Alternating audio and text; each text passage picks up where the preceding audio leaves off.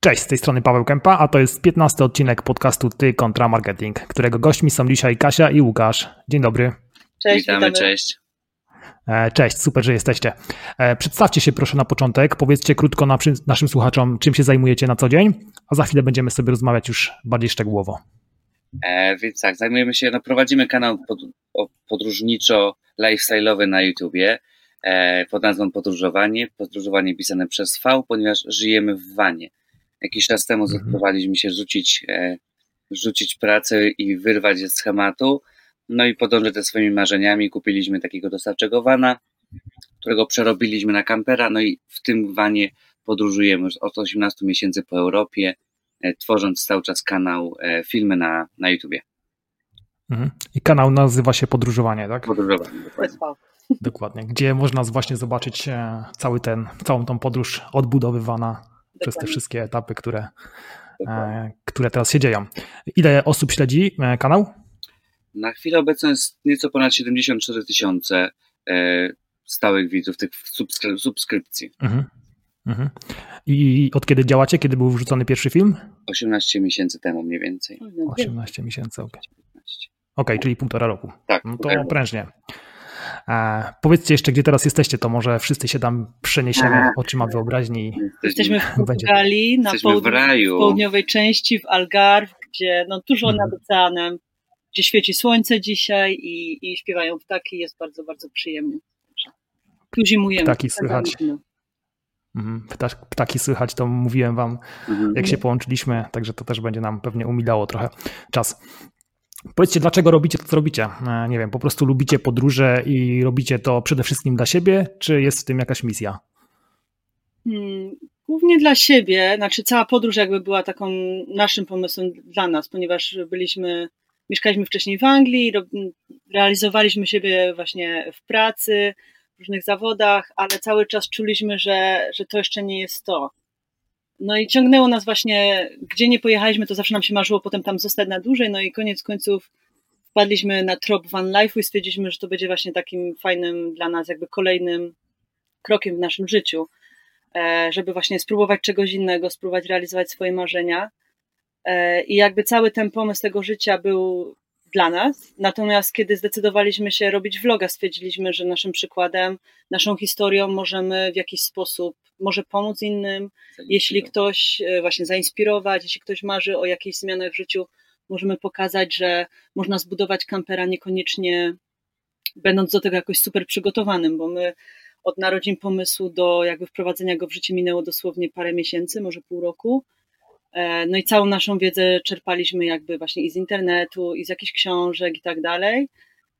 E, no i co jeszcze? I jeszcze, no głównie o to chodziło, żeby właśnie zainspirować potem e, nowe, okay. No, nowe osoby, kolejnych ludzi, żeby dać im szansę i siłę i, i pokazać, że się da. Także nasz kanał po to powstał. Mhm.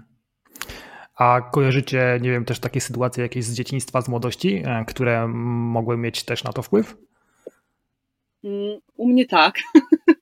Ja mhm. właśnie niedawno o tym myślałam, bo, bo jestem w trakcie jakby spisywania tej całej naszej też historii. E, ja, mhm. ja od zawsze tak naprawdę lubiłam. Bardzo lubiłam się poruszać, podróżować. Kochałam pociągi. To był mój naj, naj, jakby najbardziej ulubiony środek transportu. E, I zawsze gdzieś tam mnie nosiło. Nie lubiłam siedzieć, nie byłam typem domatora. Byłam harcerką, także zawsze byłam w ruchu, gdzieś na jakichś wyjazdach, obozach. A nawet jak byłam w domu, to zawsze gdzieś tam z, z moimi znajomymi wychodziliśmy, po prostu chodziliśmy się włóczyć gdzieś po okolicach mojego miasta. No i ja skończyłam nawet na, na studiach takich, na turystyce, także gdzieś tam wydaje mi się, że koniec końców to przeznaczenie dawało o sobie znać. Mhm. Łukasz, ty też?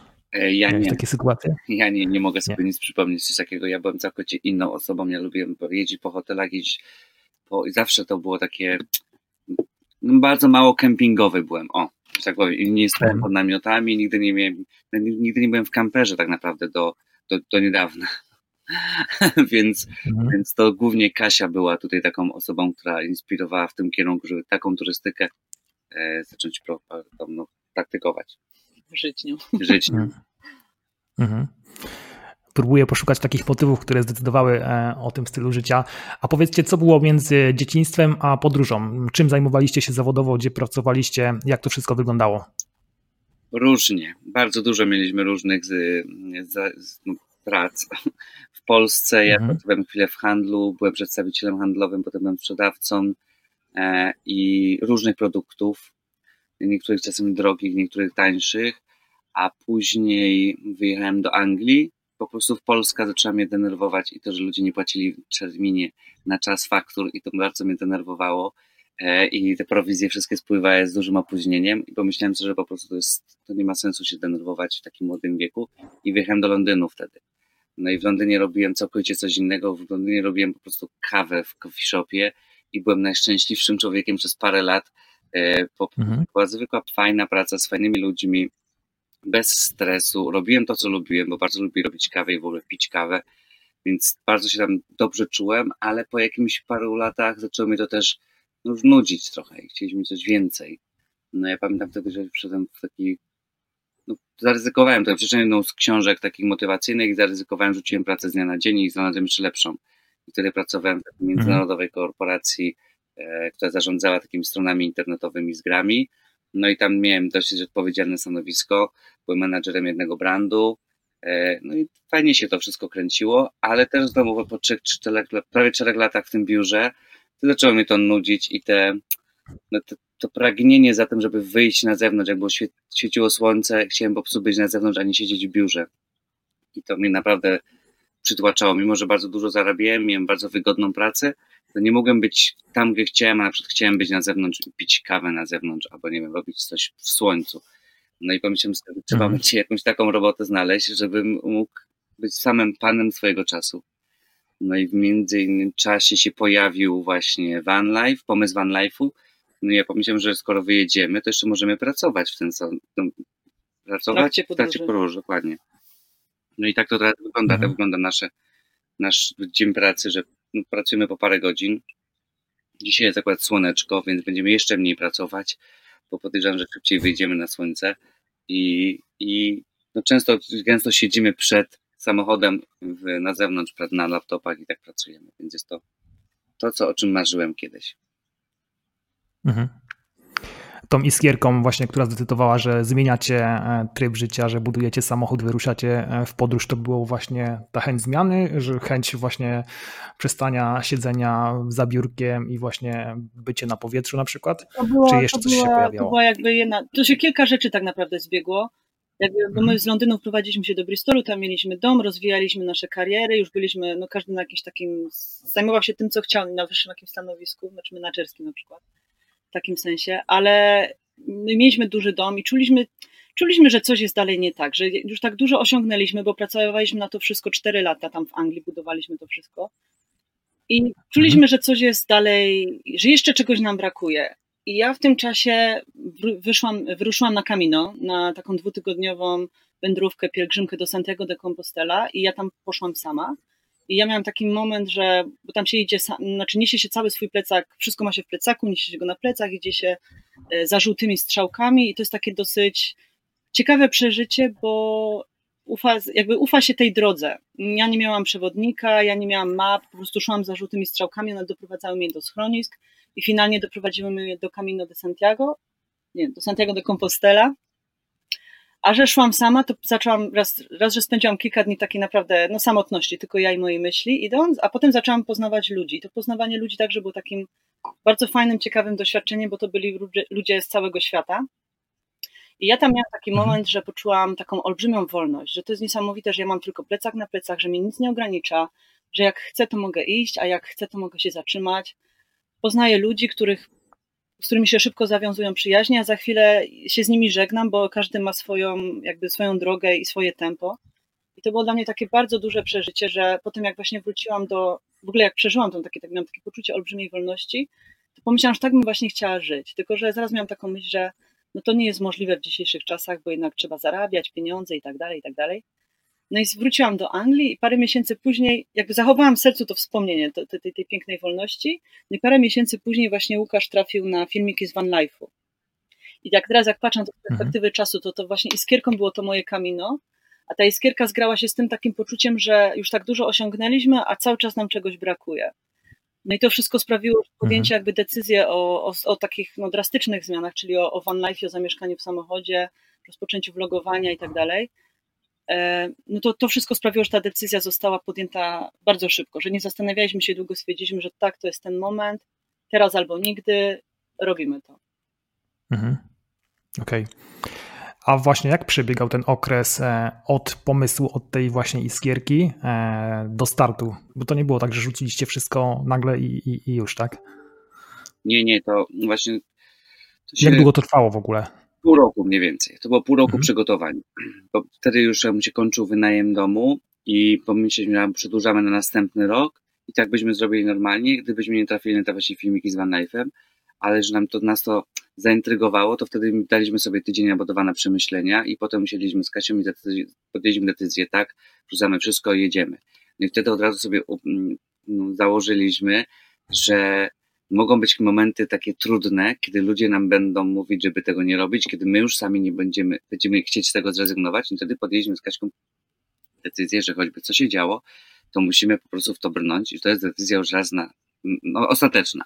No i mhm. wtedy, jak już zdecydowaliśmy, że to jest ostateczna decyzja, no to wypowiedzieliśmy dom, przeprowadziliśmy się do mniejszego pokoju w Bristolu, tak żeby zaoszczędzić kasę.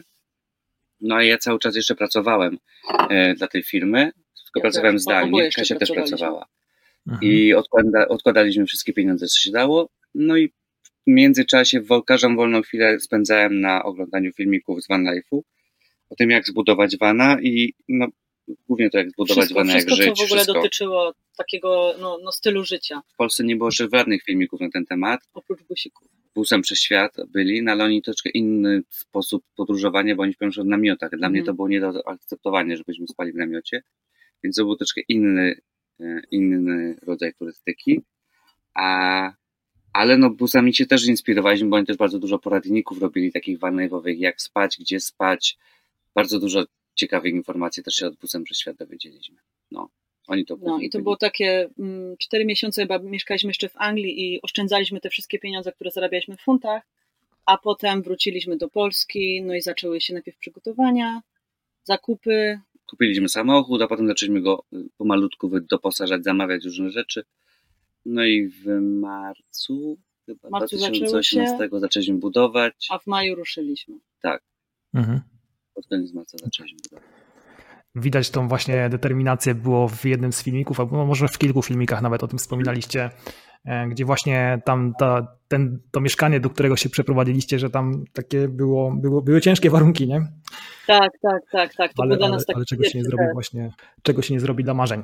E, dobra, a powiedzcie właśnie te podróże są wasze zaplanowane tak od A do Z, bo wiem, że na stronie macie jakiś taki plan podróży wypisany, czy to jest bardziej spontanicznie? Nie, to jest duży spontan. Mamy swoje marzenia mhm. E, i wiemy, co chcielibyśmy zobaczyć, ale reszta dzieje się bardzo spontanicznie.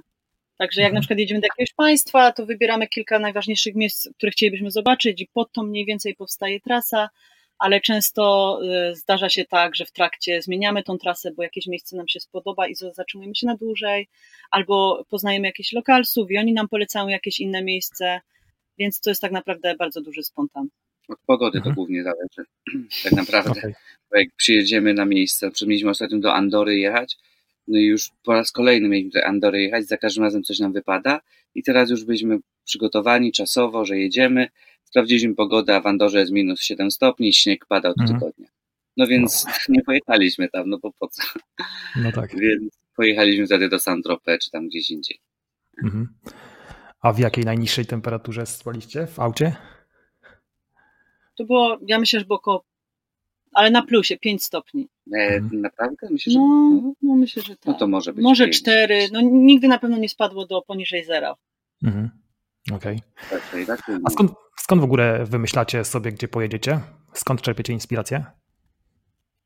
Hmm. Jakie miejsca Kiedyś zobaczycie? Instagrama. Kiedyś to był ten okres przygotowywania się do van life'u, to mieliśmy dużo więcej czasu na to, żeby siedzieć na Instagramie na przykład, więc ja sobie siedziałem i wynajdowałem jakieś miejscówki, zapisywałem, no i później nanosiłem na mapy, no i potem jak na przykład dużo było miejscówek na mapie zaznaczonych gdzie na południu Francji czy na południu Włoch, to tam pojechaliśmy. Znaczy, bo w ogóle nasz plan zakładał, że objedziemy wszystkie państwa tak. Europy, więc. E, plan był no, tak, dokładnie, że pojedziemy. Taki był plan. Wszędzie, mhm. wszystkie miasta, państwa Europy, no a potem po danym kraju jeździmy tam, gdzie ktoś nam polecił albo gdzie my zobaczyliśmy, że coś jest tam ciekawego. Trochę też mhm. życie nam dyktowało, bo na przykład pierwszy nasz etap e, musieliśmy wrócić po paru miesiącach do Polski, bo nasi przyjaciele brali ślub, więc to jest tak, że, że trochę życie też ten scenariusz pisało. Tak, tak, tak. Mhm. no dobra, skoro mowa o planowaniu, to powiedzcie, ile filmów średnio miesięcznie publikujecie? Macie jakieś takie minimum, właśnie harmonogram, czy... Mamy, mamy harmonogram, mamy w każdą środę i w każdą niedzielę pojawiają się filmy już nie wiem od kiedy. No od początku. No, prawie od samego początku. Na samym początku były tylko raz w tygodniu z budowy, bo ja wtedy jeszcze montowałem sam filmy i budowałem kampera i jeszcze pracowałem, więc to nie było możliwości, żeby robić ich więcej. Ale potem jak ruszyliśmy, to dołączył do nas Aleksander mhm. i on montuje z Polski. On montuje mm, dla nas wszystkie filmy i on się zajmuje montażem. Mhm. I w ten sposób możemy robić dwa odcinki. No czasami nawet były trzy porywach, ale to już jest męczące robić więcej niż dwa. Więc, mhm. więc na razie będziemy robić dwa. A co jest takie najbardziej męczące? No bo e, wiesz, ja, ja teraz tak e, współpracuję na przykład z różnymi osobami, czy rozmawiam i, i one chcą na przykład prowadzić właśnie też kanał na YouTubie. No i po pewnym momencie zachwytu, tak, to się kończy. I, tak. i, i właśnie mm, wy tutaj mieszkacie w tym wanie, tak, żyjecie w wanie i, i też macie trudne warunki, tak, a, a może jeszcze trudniejsze, a ktoś tutaj na przykład narzeka, że, że nie ma czasu, że, że coś tam i tak dalej, i tak dalej. Jak sobie z tym radzicie? Ja od razu powiem tak, największym problemem, jaki my, my mamy, to jest problem z dostępem do internetu i z miejscem do pracy, na przykład takim, żeby komfortowe miejsce do pracy. To jest przynajmniej mój problem, bo ja kiedyś pracowałem, zawsze miałem wygodne biurko, wygodne krzesło, dwa duże monitory i, i to było naprawdę takie no, komfortowe warunki pracy. Mhm. do kawy zaraz obok. A tutaj już jest mniejsza przestrzeń. E, z tym prądem też różnie bywa. Czasami, jak na przykład jest dużo chmur przez kilka dni, to nie mamy prądu. Więc to też trzeba znaleźć sobie miejsce, jakąś kawiarnię, do której się idzie i czy tam jest internet, czy tam nie ma internetu. Więc największy problem nas jako twórców internetowych jest to, że mamy często ograniczony dostęp do internetu. E, teraz mhm. akurat w Portugalii jest ok, bo mamy tutaj taką wykupioną kartę i jest ok, ale w niektórych krajach jest to naprawdę bardzo trudne. Jak jesteśmy tylko kilka dni, to trzeba gdzieś pojechać do jakiegoś miejsca, zarejestrować numer, kupić, nie wiadomo czy jest zasięg. No, no nie jest to ten dostęp do internetu taki popularny, że wszędzie jest. Mhm. Natomiast cała reszta to jest normalnie tak jak u wszystkich innych twórców. Po prostu no, musimy spędzić trochę czasu na tym, żeby nagrać film. O tyle dobrze jest, że my nie mamy scenariuszów, więc nam scenariusz dyktuje życie. I my mamy jeszcze o tyle też łatwiej właśnie, że w którymś momencie e, no, do naszej ekipy dołączył Aleksander, który dla nas montuje te filmy. I mhm. jakby montaż był też taką tą żmudną częścią, żmud, no, żmudną częścią po prostu, która była tylko na barkach Łukasza, bo ja niestety się na tym nie znam. I to też było kłopotliwe, bo no, po całym dniu nagrywania, jeżdżę, podróżowania, bycia właśnie w drodze, Łukasz jeszcze nieraz musiał siadać wieczorem przy biurku, którego nie miał e, i montować te filmy. No i na początku, póki mieliśmy taki bardzo duży entuzjazm, zapał i to było, wszystko było nowe, to mieliśmy to takie paliwo, które nas napędzało. No ale potem mhm. właśnie przyszedł ten moment, którym, o którym ty mówisz, że, że zaczęłeś takie no, trudności, pojawiało się zniechęcenie. No i to był właśnie moment, kiedy my nagło powiedzieliśmy gdzieś w, na naszym blogu czy na naszych socialach, że, że ten montaż jest dla nas no, dużym utrudnieniem i wtedy zaczęli się do nas zgłaszać e, sami e, montażyści, którzy zaproponowali nam, że oni po prostu no, za możliwość jakby naszej surówki, pracy dla nas, oni będą dla nas montować, bo to jest mhm. jakby zawsze taka no, symbioza. My na tym korzystamy i oni na tym korzystają.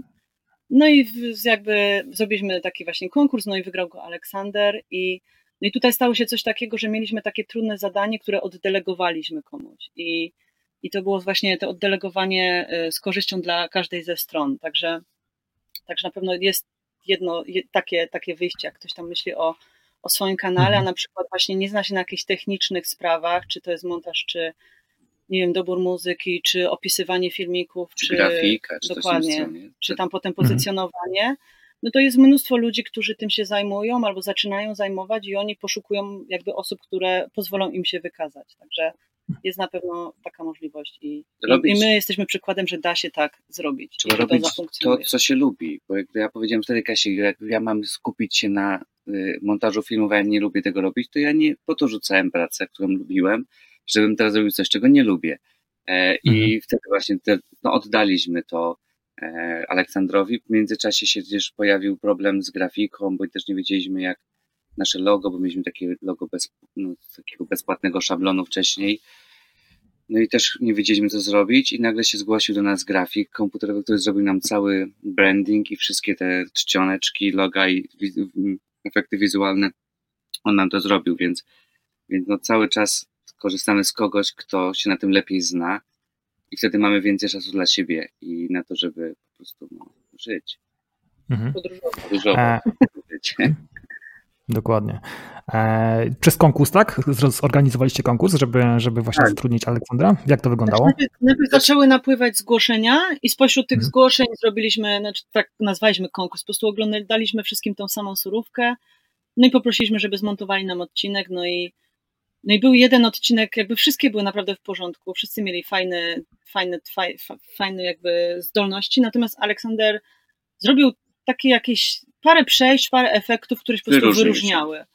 I on na nas mhm. po prostu zwrócił. On był, jego filmik był zdecydowanie inny niż, ale w pozytywnym sensie znaczenia w słowie. E, jego filmik był pozytywnie inny niż, niż reszta tych filmików, dlatego właśnie. Ja muszę mhm. tutaj dodać, że surówka to jest, y, to są dla osób, które może nie wiedzą, to nie chodzi o sałatkę, tylko tutaj chodzi o e, materiał, który nakręcamy przed montażem. Po prostu cała, no wszystkie filmiki, wszystkie pliki, które nakręcimy, który, z, których, z których później powstaje vlog. Dokładnie. A, ale wspominaliście, że też o, dzięki Patronite było to możliwe, tak? Czy, tak, czy mimo, tak, tak, nawet tak, jeśli by tak. Patronite'a nie było, zdecydowaliście byście, zdecydowalibyście się na ten krok? Nie wiem, chyba nie, bo wtedy mhm. mieliśmy wyliczone pieniądze na to, żeby podróżować i naszym głównym celem było podróżowanie, a nie zakładanie kanału mhm. na YouTubie. Kanał na YouTubie to miała być taka dodatkowa taka dodatkowa rzecz, która po prostu no, będzie sobie, ale to nie było, to nie był główny cel nigdy mhm. i też no, nie przypuszczaliśmy, że tak to się w ogóle rozwinie.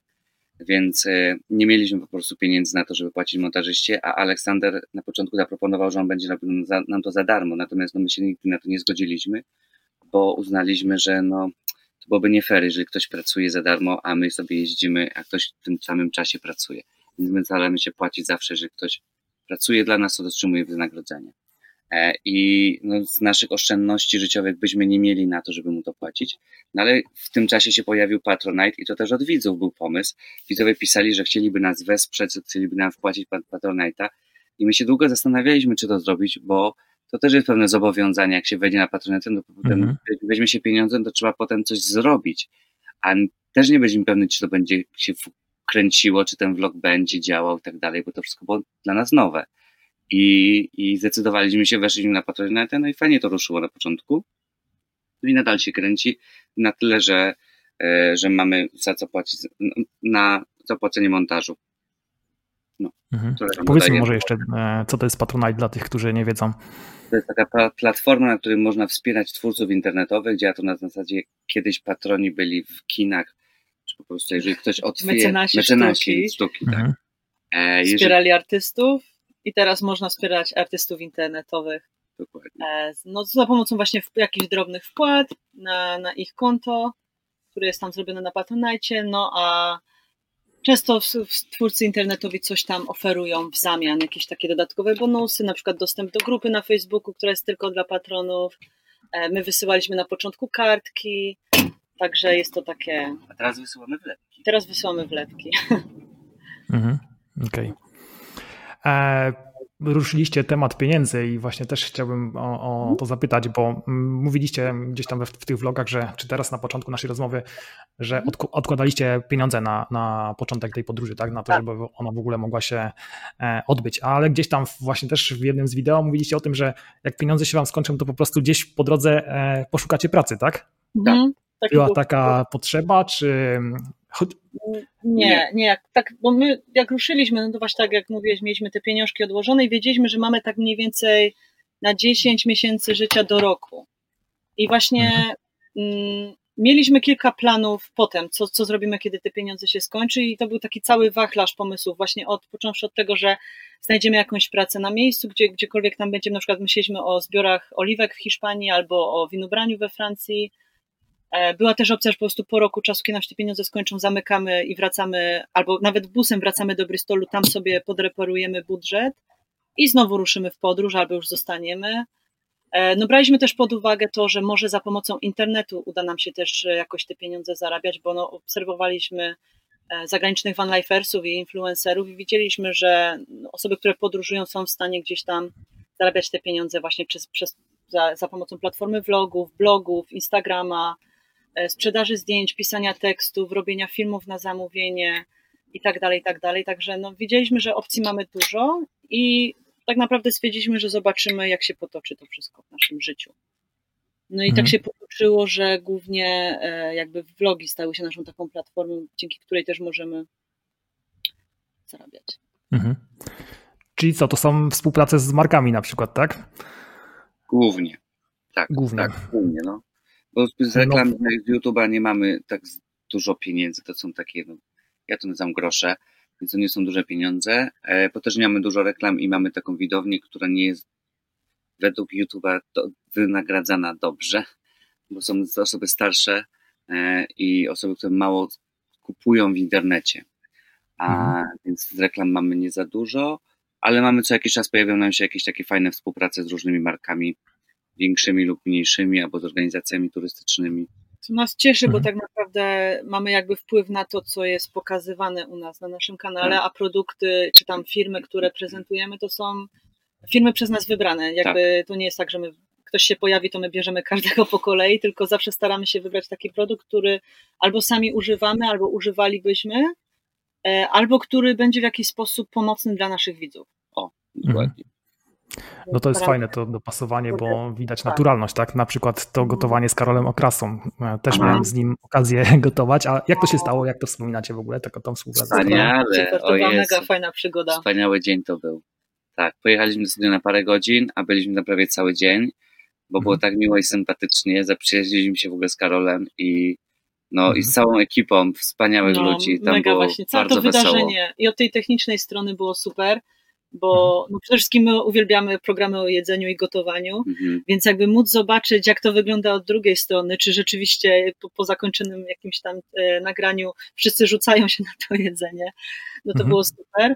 E, I spotkanie tych wszystkich ludzi, którzy no, no to, to, byli pasjonaci i, i, i, znają się też na swoim fachu, no i jeszcze Karol Okrasa, który jest naprawdę no, bardzo mądrym człowiekiem, zna się właśnie na gotowaniu, a do tego no, super bardzo fajne ma poczucie humoru i mnie się bardzo mhm. podobało to, jak on prowadził ten program, bo tam było. Nie, nie, nie, mieliśmy scenariusza, tylko wiedzieliśmy mniej więcej, co chcemy pokazać, o czym mniej więcej będziemy mówić, ale cokolwiek się wydarzyło takiego zaskakującego, to Karol tak fajnie prowadził ten, ten cały program i nas i było widać mega profesjonalizm. I to na mnie, pamiętam, wywarło takie bardzo duże wrażenie, że, że super zna się na tym, co robi. I to była mhm. jedna z takich współprac, które no, naj, naj, najmilej wspominamy, bo to było naturalne dla nas. Jak się odezwał Lidl, to po prostu no, to było dla nas naturalne, że będziemy robić Lidla, bo my najczęściej robimy zakupy w Lidlu, bo Lidl tutaj właśnie w tej części Europy, gdzie my najczęściej jesteśmy w Hiszpanii, Portugalii, oni są tutaj bardzo otworzeni na kampery. Tutaj pod Lidlem, pod Lidlami są normalnie stanowiska dla kamperów, gdzie można sobie mhm. przyjechać mhm. noc i zaparkować dla wody. E, I to jest bardzo wygodny sklep. E, one teraz reklamują trochę Lidla, ale e, się, no my z niego korzystaliśmy wcześniej, no, no, no. więc jak oni się do nas odezwali, to ja mówię, no to jest naturalne, nie musimy nic no nawet tak. kłamać, ani nic koloryzować, bo po prostu to już widzowie wiedzą, że my tam często robimy zakupy. I parę takich marek się do nas odezwało, z których normalnie korzystaliśmy wcześniej, więc to jest sama przyjemność, że jeszcze można dostać pieniądze za to, że się o tym mówi, nie? Mhm. I wtedy dobrze to wychodzi. Dokładnie. A ile czasu zajmuje podjęcie takiej współpracy z marką? To zależy. Znaczy podjęcie decyzji na, na współpracy, czy cała współpraca? Czy wiesz, cała taka procedura tak naprawdę, no bo wiadomo, że to... Różnie, to zależy, bo to jest wszystko przez agencję, większość jest przez agencję organizowana, często jest tak, że jest jedna agencja, potem zleca drugiej agencji, na przykład z nami mhm. współpracuje i to jest dość długi termin, ale tak od, od dwóch miesięcy. Miesiąc, dwa do miesiąc, nawet pół roku. Dwa Ostatnio do pół roku. zakończyliśmy właśnie taką półroczną współpracę. Tak. Mhm. Także no, od miesiąca takich ustaleń do wypuszczenia filmiku to jest tak minimum miesiąc do pół No roku. zazwyczaj dwa, ale tak. tak średnio to trwa dwa miesiące, bo to musi, wszyscy muszą się zgodzić, każdy musi, każdego tak. wizja musi być wzięta pod uwagę. Mhm. To jest tak mniej więcej dwa miesiące. Mhm. Dwa miesiące. No tak. Od jeszcze czas na, zgrać czas na realizację, tak? Żeby tak, na tak, przykład tak. Karolowi pasowało, wam pasowało i tak dalej. O, tam tak, takie duże, no to też było. Mhm. Wcześniej trzeba zaplanować. E, sami zajmujecie się poszukiwaniem, poszukiwaniem właśnie firm, czy ktoś się do was zgłasza? Jak to bywa? Do nas się zgłaszają firmy. Znaczy wysłaliśmy, ja wrzuciłem dwa razy maila do firmy i z jednymi nie odpisali jeszcze, ale mail wysłany był parę dni temu a z tamtej okay. się nie odezwali. Znaczy odezwali, ale potem wiedzieli, że nie mają budżetu, więc, czekam na nowy rok. Natomiast my jesteśmy zrzeszeni w LiveTubie i, i wiele agencji już zna nas i nas, no znamy się po prostu z większością agencji już. Mhm. Bo, bo tak tych podróżników nie ma chyba tak zbyt wiele w Polsce, którzy mieliby takie duże zasięgi. No i mhm. po prostu wysyłają zapytania dość często. Bywają dni, kiedy coś, przychodzi 5-6 zapytań o jakieś reklamy jakiegoś produktu. Wow. I, I wtedy trzeba po prostu się nad wszystkimi mailami pochylić i nad wszystkie maile trzeba odpisać, zastanowić się, co by im można było zaproponować. I to jest czasami, no to jest praca. No normalnie to jest praca. Mhm. Odpowiadam na maili, to nie jest takie zwykłe odpowiedzenie na maili, tak albo nie, tylko trzeba wycenić, zaproponować rozwiązanie, podać statystyki. No jest czasami na parę godzin, żeby na jednego maila odpowiedzieć. No tak. A, jak wycenia się takie współpracy? Co tutaj jest najtrudniejsze? Zależy od, wszystko zależy od produktu. Ja to zależam tak, produkt musi być przede wszystkim taki, który nam odpowiada. Jeżeli nam odpowiada produkt, to musimy zastanowić, co też klient ma na, y, co oni chcieliby na przykład i jak dużo czasu mamy poświęcić projektowi, produktowi, bo jeżeli mamy tylko, ma się pojawić jakieś um, lokowanie, gdzieś tam ma się mignąć ten produkt, no to to jest tania współpraca, ale jeżeli mamy poświęcić na to cały odcinek, pojechać specjalnie, zrobić jakiś test, jeszcze zaprosić kogoś do tego testu, albo coś w tym stylu, no to to wszystko jest czasochłonne. Tak, to też zależy, y, co na przykład firma od nas oczekuje. Czy oni chcą, żeby był odcinek u nas, czy oni chcą na przykład, żeby mieli dostęp, jakby pełne prawo do tego filmiku i możliwość robienia z tym filmikiem, co chcą, tak. czy oni chcą mhm. to prawo tylko na przykład, no nie wiem, wykorzystać ten filmik u siebie na stronie, czy chcą mieć prawo do naszego wizerunku na przykład na rok, jak czasami jeszcze nie mieliśmy tak. takiej okazji, ale, ale wiem, że są takie firmy, które przeprowadzają z że influencerami takie długoterminowe kampanie i to mhm. wtedy no, takie czynniki też się bierze pod uwagę. No i czy jeszcze jest post, czy jeszcze będzie na Instagramie coś, czy na Facebooku jeszcze coś będzie. Mhm. No, jest tego trochę. No i czasami różne też na przykład jeszcze są różne, na przykład firmy proponują, że one coś tam nam w barterze chcą, za, za, znaczy zamiast za pełnej zapłaty na przykład jakiś barter, jakiś produkt, który zostaje z nami na stałe i więc to no, jest bardzo dużo czynników. I już od razu powiem, że się nie zgadzamy na bartery, bo. Najczęściej to się zgłaszają firmy, które dają nam jakiś produkt, który oni chcieliby nam dać, no i my go przyjmujemy, nie do końca wiem, wiemy, co to jest za produkt, albo może wiemy, ale no, dopiero go dostajemy, a już się godzimy na robienie odcinka i to potem wychodzą tak. z tego konflikty i mhm. musieliśmy odesłać parę, parę rzeczy musieliśmy odesłać, bo po prostu nas to męczyło, nie? Że dostajemy, mhm. albo, albo ktoś przysyła po prostu produkt i on nic nie chce, ale po jakimś miesiącu czy dwóch miesiącach przysyła informację, o, kiedy pokażecie ten produkt. Ja mówię, no ale myśmy mhm. się nie umawiali, że coś będziemy pokazywać. Tak. Dokładnie. E, więc y, staramy się, bo to był taki problem na początku tam mieliśmy, że dostaliśmy tak dość dużo takich droższych rzeczy albo tańszych a, i musieliśmy jej pokazać. I ja po prostu już teraz nie przyjmuję żadnych barterów. Albo jak jest jakiś ten produkt, to często teraz już robimy tak też, że zaznaczamy, że my go poużywamy i tak. dopiero jak go poużywamy, to wtedy się odezwiemy, damy znać, czy my chcemy się zgodzić na jakąś tam właśnie tak. współpracę, pokazywanie mhm. i tak dalej. Że musimy być pewni, że to jest coś fajnego, co nam odpowiada. Jasne. Okej. Okay. No to są takie produkty z zewnątrz, które przychodzą, tak? Ale tworzycie też własne rzeczy, bo książka, tak? Wspominaliście, że Kasia pisze tak, książkę? Tak, tak, tak. I jest tak, kurs, tak? O budowie wana. Tak. Jest kurs, kurs budowy kampera online, no i nad kursem, kurs wyszedł, nie wiem, parę miesięcy temu, troszeczkę za późno, ale dlatego, że podróżowaliśmy, skupiliśmy się na podróżowaniu i robieniu vlogów, ale wyszedł, no i i całkiem fajnie, fajnie wystartował. Na początku mieliśmy problem z reklamą jedną, z jednym postem na mhm. Facebooku, ale, ale później e, no, wszystko się uspokoiło i, i teraz kurs się no, kręci, pomaga. Właśnie dzisiaj nawet. Dla osób, które chciałyby mieć wana takiego jak nasz, które ufają naszemu doświadczeniu, które nie chcą tak jak my spędzić długich dni na poszukiwaniu, tak. przeszukiwaniu internetu, mhm. mogą skorzystać z naszej wiedzy, z gotowych rozwiązań, no i z półtora rocznego doświadczenia, bo bo w tym kursie zawarta jest nie tylko ta wiedza z początku budowy, ale także z tego, jak przez rok mieszkaliśmy w tym wanie, użytkowaliśmy go. Więc to jest taka, wydaje mi się, kompleksowa pomoc dla osób, które nie chcą zostać same z budową wana, kampera, czy mhm. cokolwiek sobie. A jak powstał ten kurs w ogóle? Jak to się odbywało? Nie wiem, co zaobserwowaliście po drodze podczas tworzenia, nie wiem, jakieś takie właśnie porady, które e, najważniejsze wnioski, o może coś takiego, co, co wyciągnęliście z tworzenia kursu? Z tworzenia kursu? To Łukasz głównie. Bo ja robiłem głównie kurs. No to był pierwszy raz w życiu robienia kursu. To się to długo zajęło mi. Trzeba było te mhm. wszystkie lekcje nagrać, zmontować z materiałem, który powstał e, podczas budowy kampera i tam było to dość sporo tego materiału, ale się udało. No i korzystamy z takich zewnętrznych, zewnętrznej platformy do tworzenia kursu e, i na tej platformie jest po prostu posadzony ten kurs i tam jest podzielone na lekcje, są materiały wideo, są różne PDF-y, zdjęcia, schematy, opisy, instrukcje. Więc ono jest takie, no, tak jak ja się mówię, to jest takie kompendium wiedzy. E, I czego się nauczyłem? Kurczę, no może. Nie wiem, czego nauczyłem, bo wykorzystałem moje po prostu wszystkie, to co wiedziałem do tej pory, bo wiedziałem o budowaniu, już wiedziałem, o montowaniu już wiedziałem wcześniej. No to nauczymy się, jak obsługiwać takie kursy, o przede wszystkim, jak działają w ogóle te, te, te platformy do zarządzania, e, do, do prowadzenia kursów, obsługę płatności i te wszystkie lega, legalizacyjne sprawy, e, polityki prywatności i tak dalej, bo to wszystko musiałem się pierwszy raz zająć tym, żeby to wprowadzić.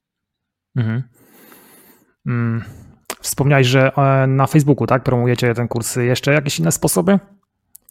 We vlogu, na naszym kanale, głównie na mhm. naszych kanałach rozprowadzamy to po prostu wśród naszych widzów.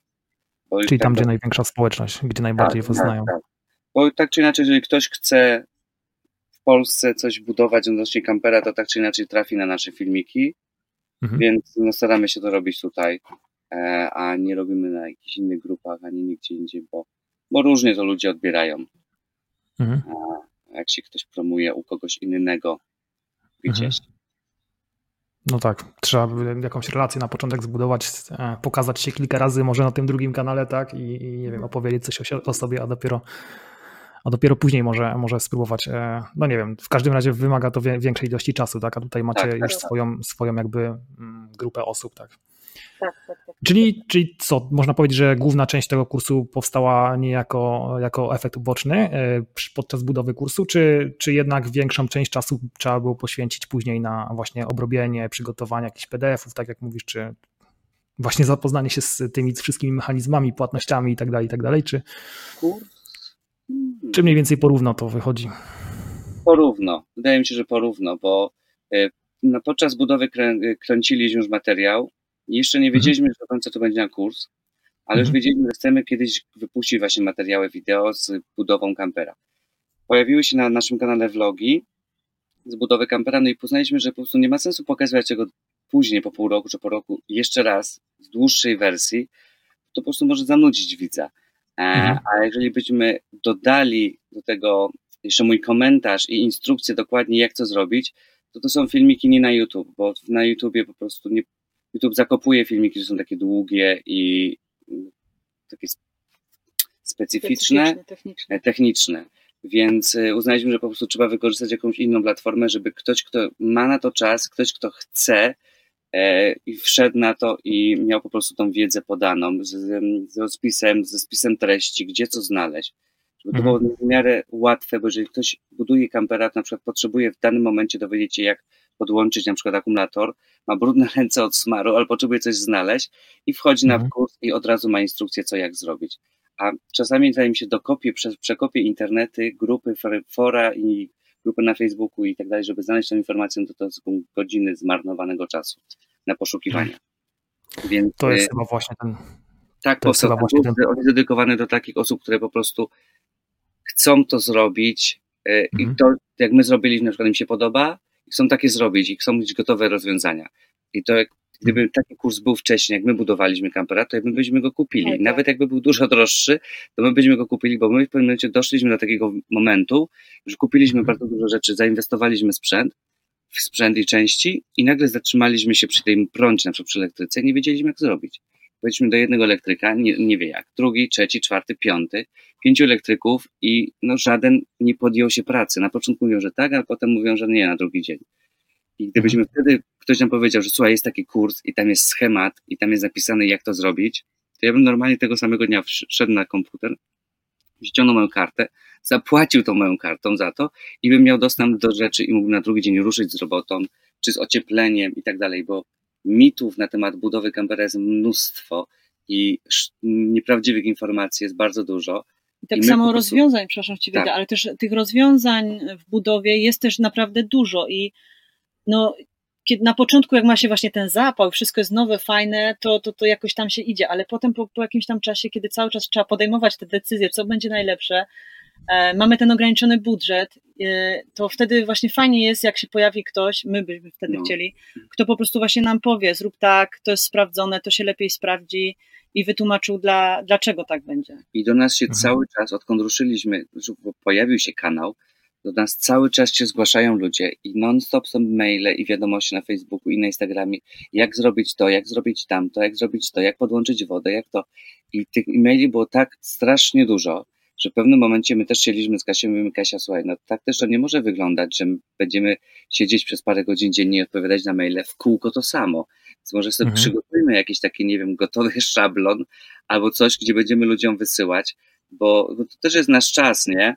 I Później właśnie między innymi powstał ten kurs, po to, że jak ktoś przychodzi teraz do nas jakieś pytanie, to wysyłamy na ten kurs, bo ja wiem, że no, tam jest szybciej i łatwiej wejść i zobaczyć to i to jest gotowe.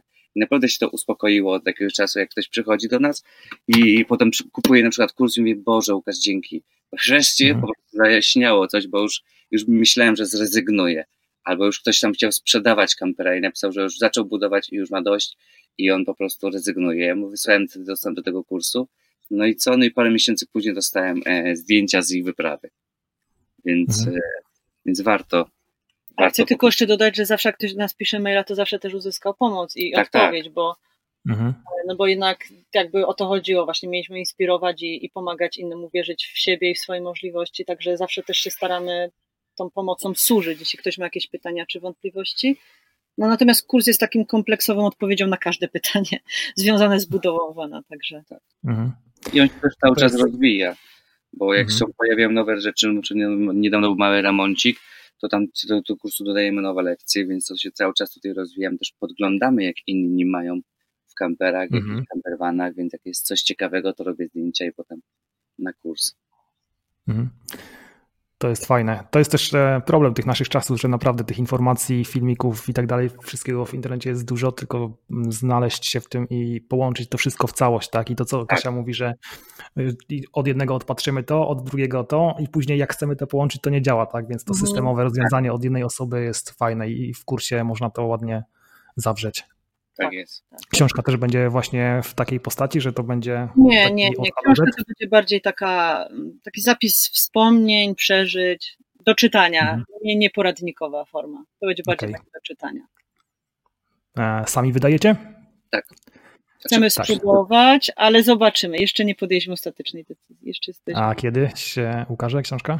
Na wiosnę na wiosnę. Taki mamy plan na wiosnę. Już na święta się nie udało, ale teraz mhm. jesteśmy właśnie w Portugalii. Mamy najbliższe parę miesięcy na to, żeby ją dokończyć, żeby ją wydać i, i ruszyć z maszyną sprzedaży na, na wiosnę. Mhm.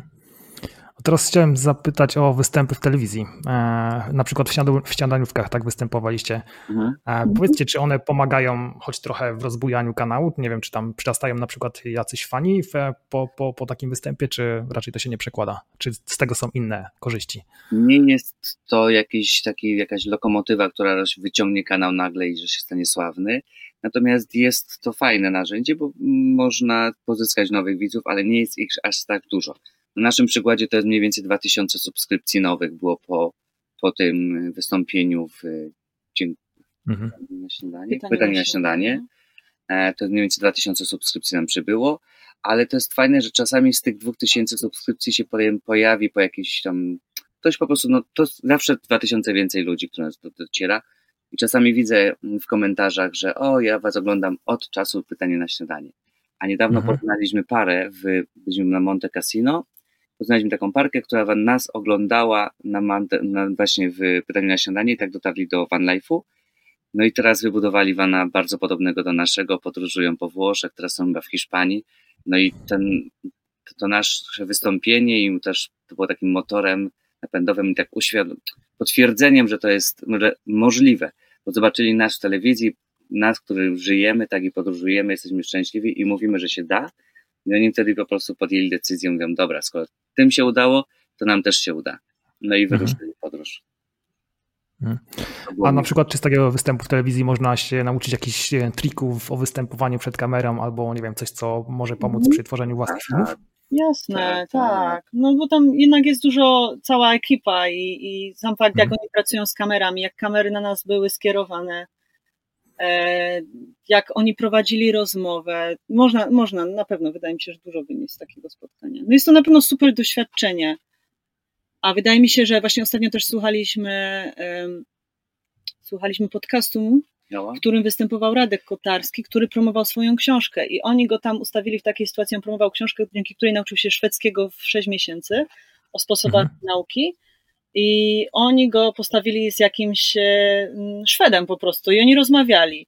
I opowiadał, mhm. że właśnie dzięki temu wystąpieniu bardzo ta sprzedaż e, wzrosła, no bo to był taki właśnie bardzo fajny zabieg, i wydaje mi się, że jak jest dobrze poprowadzone takie spotkanie, to ono może być bardzo owocne. Hmm. Wszystko zależy hmm. od tego właśnie w jakich okolicznościach, z kim na przykład, z, jakim, z kim my rozmawiamy i w jakiej tematyce.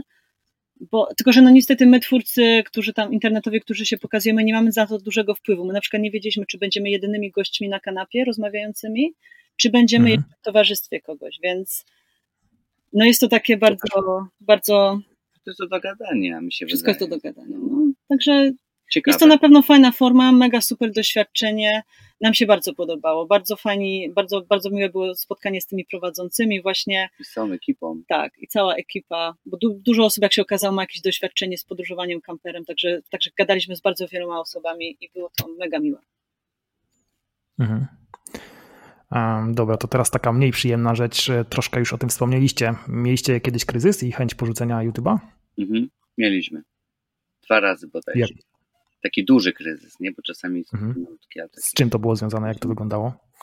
Mm, no pierwszy, pierwszy, się pojawił właśnie w związku w ogóle z montowaniem i z tym, że się nie wyrabialiśmy na początku. Jak już zaczęliśmy podróżować i zaczęliśmy vanlife'ować i zobaczyliśmy, bo na, w naszych wyobrażeniach myśleliśmy, że będziemy mieć bardzo dużo czasu, nabraliśmy książki, hamaki, że będzie super tylko relaks, granie na gitarze, a okazało się, że, że to życie w podróży jest dalej życiem, ono jest absorbujące, bo tu trzeba wodę znaleźć, wodę wylać, zrobić zakupy, znaleźć miejscówkę, która będzie bezpieczna, prowadzić samochód, co okazało się, że też jest trochę męczące na dłuższy, mhm. jeśli, jeśli jedziemy długi, długi dystans.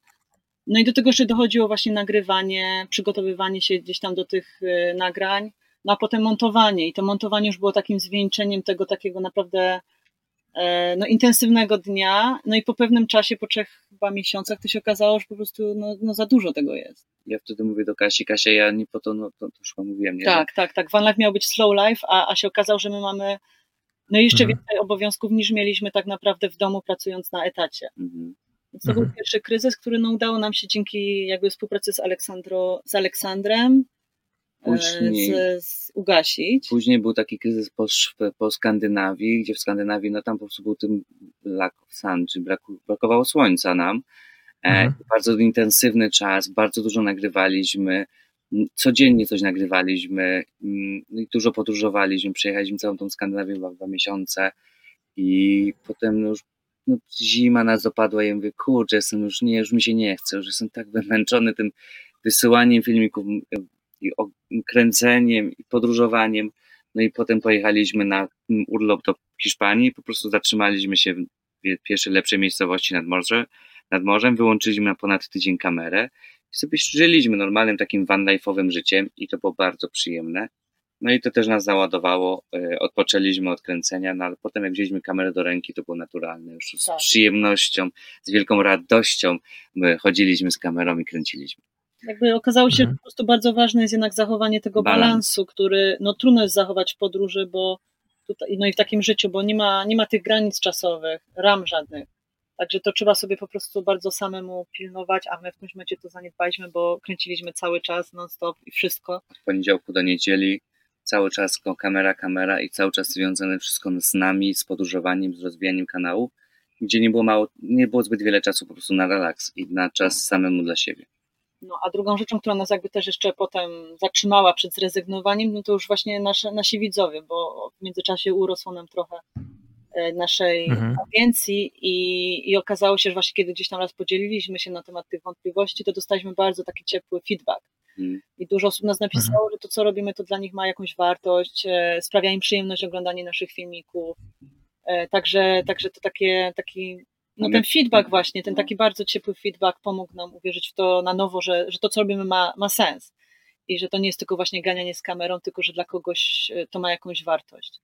I to nam pomogło hmm. jakby wytrwać w tych, w tych chwilach zwątpienia i kryzysu. Ja mam takie poczucie misji teraz, właśnie tworzenia kanału, bo często bym zrezygnował nawet dla samego siebie, bo już no, tyle je. Po prostu osiągnęliśmy to, co chcieliśmy, jesteśmy, podróżujemy i tak dalej, mamy kanał, ale jak widzę i jak czytam komentarze, czytam wiadomości od ludzi czasami, to to jest niesamowite, wzruszające są historie, przemiany życia, bo my też udowadniamy, że można, nie trzeba być bardzo bogatym, nie trzeba być w ogóle jakimś specjalistą mhm. od wszystkiego, żeby podążać za swoimi marzeniami, żeby podróżować, żeby zwiedzać świat, odkrywać różne miejsca.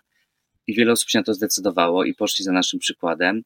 E, a są też osoby, które nie mogą tego zrobić, bo już są w takich różnych Sytuacja. sytuacjach życiowych, że mhm. albo nie mogą chodzić, albo nie mogą podróżować, bo są starsi, albo, albo mają dzieci, biznes rodzinę. i tak dalej.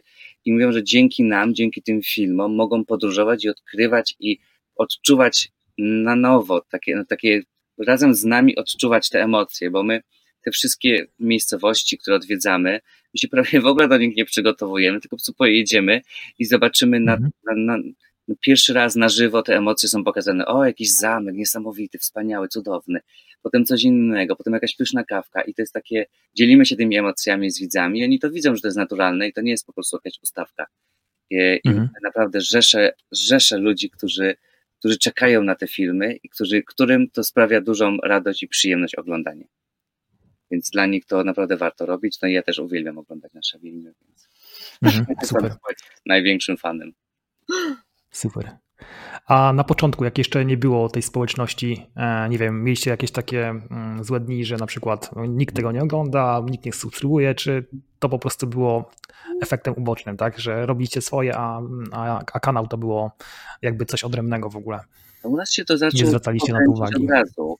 U nas się, no, na początku wysłaliśmy do naszych znajomych filmik pierwszy, ale już pojawił mhm. się szerzej, szerzej, bo też, nie wiem, jakoś chyba się spodobało naszym znajomym też rozesłali, więc y, my już pierwsze filmiki, jak wrzucaliśmy tylko tam 200, potem 1000, 2000 i to, to było dla nas tysiąc wyświetleń, to było wow, Boże, ile ludzi mhm. ogląda, nie? Potem 2000 następny odcinek, nie? Potem kolejny ileś tam tysięcy. Mówię, jak to jest możliwe? Co oni tam w ogóle widzą w tym filmikach? No ale się bardzo cieszyliśmy.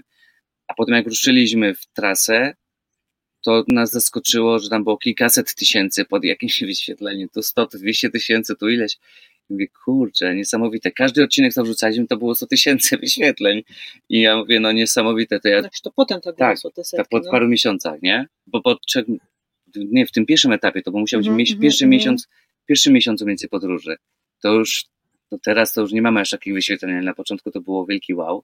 I no, -hmm. dla nas to było Zaskoczenie. Zaskoczenie my ogromne. Nie mieliśmy, my, się, my się w ogóle na tym nie znaliśmy. Więc zaczęliśmy je wrzucać z nadzieją, że tam do kogo ma dotrzeć, to one dotrą po prostu. No i to się zaczynało powoli kręcić. I właśnie w momencie, kiedy wyjechaliśmy, któryś, wydaje nam się, że po prostu ten filmik, jak pokazaliśmy pierwszy raz Wana po, jak już go wybudowaliśmy, mhm. to on chyba gdzieś się stał wiralowy, albo, albo był nie, na karcie na czasie. My nawet nie wiemy, bo wtedy się w ogóle jeszcze nie mieliśmy pojęcia, jak to działa. I on po prostu zaczął do nas ściągać, on miał bardzo duże wyświetlenia i przez niego zaczęli ściągać do nas ludzie.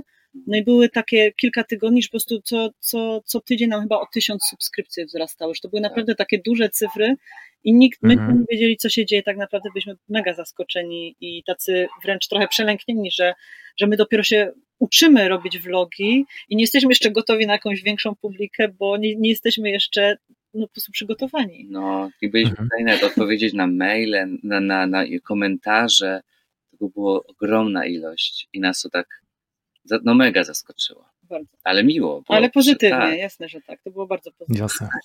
Nic za tym nie zarobiliśmy, bo mieliśmy, my, my wpuszczaliśmy oczywiście, że będziemy mieć e, taką widownię, więc nie włączaliśmy monetyzacji na kanale, bo uznaliśmy, hmm. że no, no dla naszych znajomych to nie ma sensu, żeby nawet te reklamy im przeszkadzały, no bo co tam przy paruset wyświetleniach będzie z tych reklam. I nie włączyliśmy monetyzacji, a monetyzacja się włącza mniej więcej miesiąc. I dopiero jak już te filmiki wszystkie nasze były takie popularne, to mówimy, ty, może byśmy włączyli monetyzację. Zresztą widzowie nam mówili, żebyśmy włączyli też yy, i zarabiali na tym. No i zgłosiliśmy się do YouTube'a, no ale zanim to YouTube włączył, to upłynęło trochę parę tygodni, więc te, te większe pieniądze z reklam niestety nie dotknęły nas.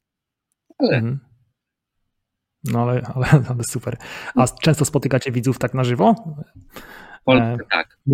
A w sumie nawet teraz. Mhm. Wydaje że ogólnie tak, bo jak gdzieś tam ktoś podróżuje i jest kamperem i napisze, że gdzieś jest niedaleko, to zawsze się widujemy. E, więc wydaje mi się, że ogólnie dosyć często. Natomiast y, no to jak jesteśmy za granicą, to już to się nie dzieje aż tak często. Ale ten weekend mhm. spędziliśmy z naszymi, no już się przyjaźnimy, ale to byli nasi widzowie, których poznaliśmy w Polsce, jak byliśmy, no i teraz przyjechali do Portugalii My spędziliśmy wspólnie weekend. I takie rzeczy się dzieje, mhm. dzieją dosyć, dosyć często, że, że się z kimś tam spotykamy, czy na dzień, czy na kawkę, czy na, nawet na jakiś weekend. Też parę razy nam się zdarzyło, że nas ktoś na ulicy rozpoznał, więc zawsze wtedy jakaś tam mhm. rozmowa jest. Ja, ja, mam takie poczucie, że dosyć często widujemy się z naszymi widzami. I w ogóle poznaliśmy niesamowitych ludzi i się zaprzyjaźniliśmy. Mamy teraz bardzo dużo nowych przyjaciół, których mogę normalnie nazwać jako przyjaciele e, i poznaliśmy się przez nasz kanał. I mhm. non-stop piszemy ze sobą i to są osoby w Polsce i za granicą, e, z którymi utrzymujemy stały kontakt. Mhm. I to też jest jakaś taka motywacja do dalszego działania? Jakieś pomysły przychodzą wtedy? Tak, tak, tak. No. Zwłaszcza, że mamy no, bardzo dużo osób z branży karawaningowej, mhm to zawsze jak się spotykamy na kempingu, no to raz, że podpatrujemy jak te kampingi wyglądają jak kampery, to każdy też swojego kampera czy przyczepę pokazuje i tam opowiada, opowiada o doświadczeniach, miejscówkami się zawsze wymieniamy, więc zawsze to potem ktoś był na przykład na jakiejś górze pięknej, gdzie warto jechać, no to już wpisujemy sobie na mapkę wszyscy i potem my się dzielimy innymi miejscówkami, przemyśleniami, doświadczeniami. Więc to jest fajne, bo mamy tę wspólną, wspólną pasję, która nas, nas łączy. Mhm. Mhm. A powiedzcie, jak takie odsłanianie się przed innymi na was działa? Nie wiem, mieliście z tym jakieś problemy? Jakiś hejt się pojawił, hamskie komentarze, coś takiego? Czy, był, był. No. Czy rzadko? Nie ma możliwości się w Polsce chyba yy, pokazać, żeby cię nie dotknął hejt. To jest po prostu chyba na, w naturę wpisane, że są tam, są, są takie osoby, które żyją z hejtowania i mhm. komentowania i docinania, bo ich to, ich to rajcuje i nas to dotknęło też kilka razy, zupełnie niespodziewanie i to czasami pod takimi filmikami, jak którymiśmy się w ogóle nie spodziewali.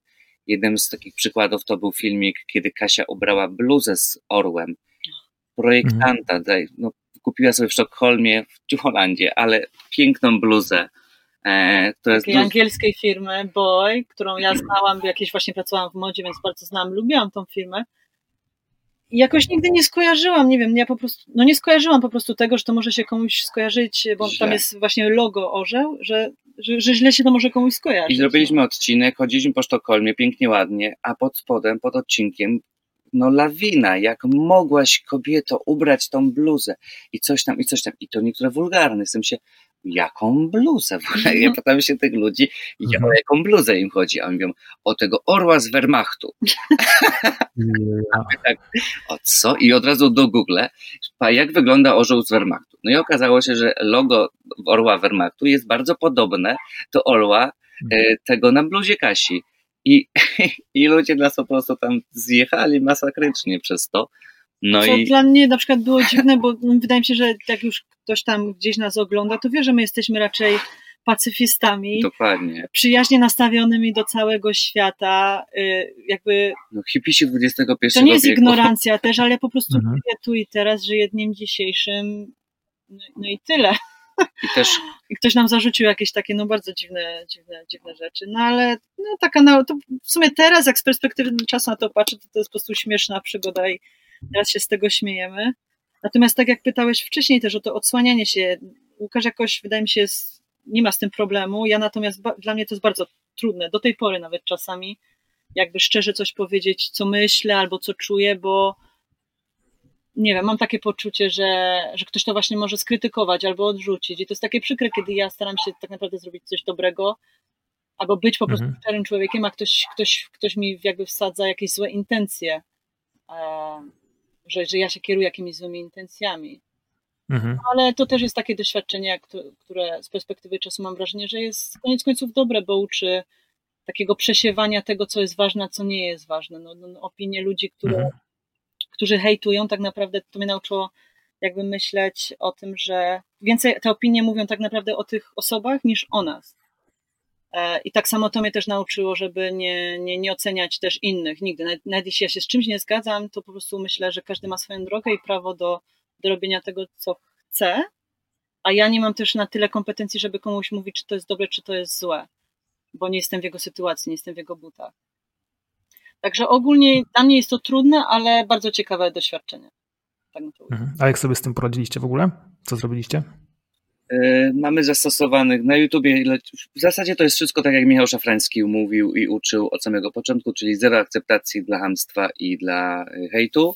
Więc jeżeli się pojawia jakiś delikwent lub delikwentka, bo to nigdy nie wiadomo, są podpisane różne imiona e, pod, pod filmem i, i komentuje negatywnie, w sensie agresywnie komentuje nas, albo przeklina. Albo do innych widzów Albo do innych winu, widzów zaczepia. Ktoś napisał, że o, bardzo lubię was, wasz, wasze filmy. A ktoś napisze, że a, ty jesteś głupia, że lubisz ich filmy, coś w tym stylu.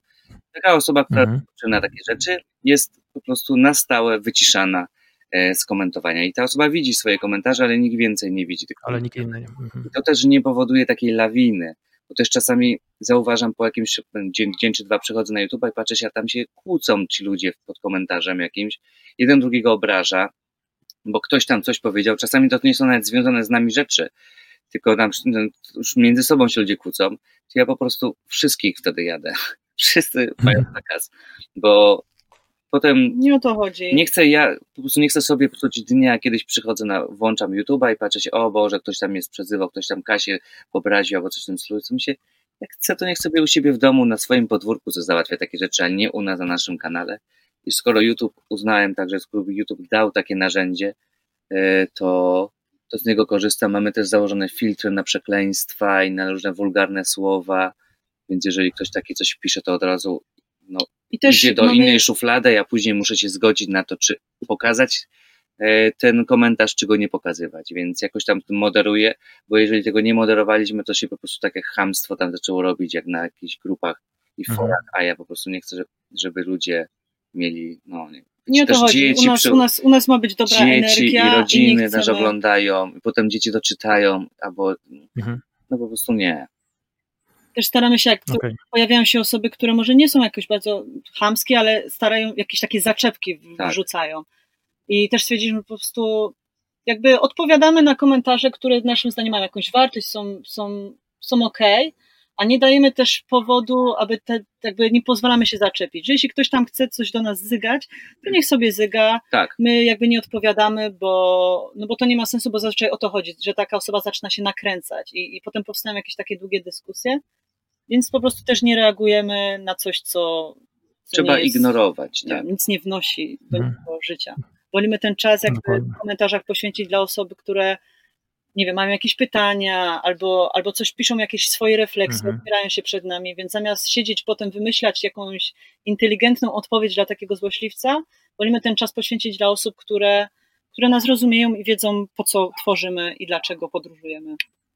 Tak. Hmm. Czyli ucinamy w zarodku najszybciej, jak się da, ignorujemy. Nie, nie zadręczamy się tym. Nie, nie, nie, broń Boże, bo potem to się powiększa, bo jeżeli my odpowiemy raz na komentarz, to on potem znowu odpisze. I potem znowu my będziemy musieli odpisać ten komentarz i to się mhm. kilka dni potem. Mieliśmy oczywiście takie pomyłki, zrobiliśmy parę rzeczy takie, że wdaliśmy się w dyskusję z ludźmi, e, ale to naprawdę nie, nic dobrego z tego nie wynikło, więc teraz mamy żelazną zasadę, że jeżeli ktoś nas zaczepia, to po prostu ignorujemy na maksa. Jeżeli ktoś zaczyna, zaczyna zaczepiać innych, to go usuwamy. I koniec. Bo to też, e, też wy, wy, znaczy ja to przynajmniej też tak trochę na to patrzę, że ja staram się jakby to wszystko też zrozumieć, ten cały proces. I na przykład często właśnie w takich komentarzach zauważam, że taka osoba już ma jakieś zdanie na nasz temat, ona już nas oceniła. Więc ona nie przychodzi z pytaniem, dlaczego my postępujemy, czy coś tam powiedzieliśmy, tylko ona już ma osąd i ona tym osądem rzuca w naszą stronę. I nauczyliśmy się tego, że my nie jesteśmy w stanie tego osądu zmienić, odpowiadając właśnie na jego zaczepkę po prostu. Że gdyby on mhm. chciał gdzieś tam poznać nasze zdanie, to by napisał w wiadomości prywatnej, co też nam się zdarzyło, jakieś tam takie dłuższe dyskusje i rozmowy. Natomiast jeśli ktoś już jest, przychodzi z gotową oceną naszego postępowania, to, to, to, to nasza rozmowa, nasze odpowiedzi nic nie zmienią, więc dlatego je ignorujemy po prostu. Mhm. Okej. Okay. Zbliżamy się już tak powoli do końca i jest takie jedno pytanie, które muszę zadać, bo e, no chciałbym je zadać. E, ono, ono, nikt by mi nie odpuścił, gdybym nie zadał tego pytania. E, jest coś takiego najbardziej ważnego na YouTubie, co pomaga się pomaga docierać do szerszej publiczności, nie wiem, regularność, forma tych publikacji, tytuły, miniaturki, clickbaity, czy w ogóle coś innego się liczy według Was? Ja bym powiedziała, że na pewno jest trochę kwestii technicznych, bo to nie ma jednej reguły, tym bardziej, że te reguły podobno cały czas się zmieniają. Ale na pewno regularność, bo to YouTube w ogóle, YouTube lubi regularność, więc jeśli w środę i w piątki, to zawsze w środę i w piątki wrzucamy te vlogi i, i to na pewno pomaga, w jakiś sposób to, to jest dobrze widziane przez właśnie YouTube'a. E, miniaturki na pewno też, to jest taka jakaś e, po prostu psychologia nas ludzi, ale jak coś jest no nie wiem, te strzałki były w którymś momencie hitem, bo one rzeczywiście e, przyciągały chyba uwagę widzów, więc to się w jakiś sposób sprawdza, natomiast no my się jakoś super na tym nie znamy. Tak. Ale, ale mhm. dobre miniaturki, jeśli ktoś ma na przykład czas i ochotę na eksperymenty, no to, to można na pewno próbować i wyrobić sobie jakiś własny sposób, że te miniaturki będą przyciągały. Dla mnie osobiście, to też chyba zależy od ludzi, ale dla mnie osobiście bardzo ważna jest osobowość osób, które występują, osobowość osób, ale osobowość hmm. ludzi, którzy, którzy występują e, we vlogach. I ja właśnie, tak, ja, ja moi, moi ulubieni youtuberzy to są osoby, które są bardzo charyzmatyczne i, i takie, no przyjemnie się po prostu ich ogląda. Mnie się wydaje, że także szczerość. Jak ktoś jest szczery, nie udaje, nie ma takiego przesadnego nadęcia, tylko po prostu jest zwykłym człowiekiem i w tej swojej zwykłości ludzkiej egzystencji pozwala odnaleźć mi siebie w nim, w jego historii, to ja też takich ludzi bardzo lubię, więc to są moje spostrzeżenia, nie wiem jak Łukasz. Mhm. No tak, raz, drugi można kliknąć tą miniaturkę właśnie na bazie tego odczucia, co na niej jest, ale później kolejne powroty, no to już są właśnie ze względu, tak jak mówisz, na to, kto tam mm, stoi za tym wszystkim, tak? To musi być połączone, bo musi być miniaturka mhm. dobrze zrobiona, My nie mamy dobrych miniaturek, od razu mówię, ale są miniatury, mhm. są fenomenalnie klikal, klikalne, przyciągają widza. Natomiast jeżeli tam pod tym obrazkiem, pod, w tym filmie nie ma nic ciekawego, no to ten widz już drugi raz nie wróci, czy tam trzeci, bo się da razy mhm. nabrać i potem koniec. E, e, na pewno clickbaity nie działają dobrze. E, to jest może taki jednorazowy jakiś strzał w górę, ale to i agencje o tym doskonale wiedzą. Ludzie, którzy się tym zarządzają, wiedzą, że na clickbaitach się nie zarabia. E, i to nic nie, nie powoduje ważnego. Natomiast tak zauważyłem, e, że trzeba, trzeba wrzucać reklamy po prostu też w filmy, bo wtedy no, nie chodzi o to, że my na tym zarobimy więcej, ale YouTube filmów, w których nie ma reklam, on ich po prostu nie promuje. On na nich nie zarabia. Nie zarabia no. Więc jeżeli YouTube tak. na tym nie zarabia nic, no to on nie będzie pokazywał filmu, w którym nic nie zarobi. I, i zauważyłem taki eksperyment, ostatnio zrobiłem, że nie wrzucaliśmy żadnych reklam i ostatnio wrzuciliśmy reklamy e, i pojawiły się większe, większa ilość wyświetleń i zwłaszcza nowych widzów, ludzi, którzy nigdy nas nie oglądali, więc, więc ja to zwalam na, to, na te reklamy, bo ja nic innego nie zrobiłem, żeby, żeby hmm. widownię. Więc to, na... to jesteś kolejną osobą w ostatnim czasie, która to samo mówi, także. I to jest prawda. Coś w tym jest. Znaczy na pewno coś w tym jest, tak? Tak. To muszą mieć rację. Problem jest e, taki z tymi reklamami, że e, nie mamy możliwości za bardzo, żeby wyeliminować te, które nam się nie podobają, tak? tak Czyli na tak. przykład, nie wiem, jest jakieś narzędzie, którego nie polecam, tak? Czy coś, czego nie polecam, czego tak. nie lubię, a ono się pokaże na przykład w mojej E, na moim filmie. Nie? Mhm. Moja mama, pamiętam parę razy, mówiła mi, słuchaj, ostatnio oglądałem wasz vloga i widziałem fajną rzecz, reklamowaliście, nie? Mhm. mhm. ja, no właśnie. Ja tego nie reklamowałem, to YouTube wyświetlił.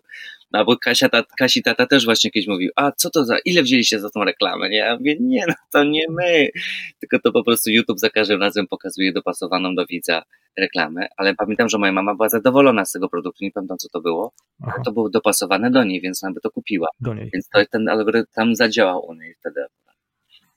Mhm. Okej. Okay. A jakie są Wasze plany na, na najbliższy czas?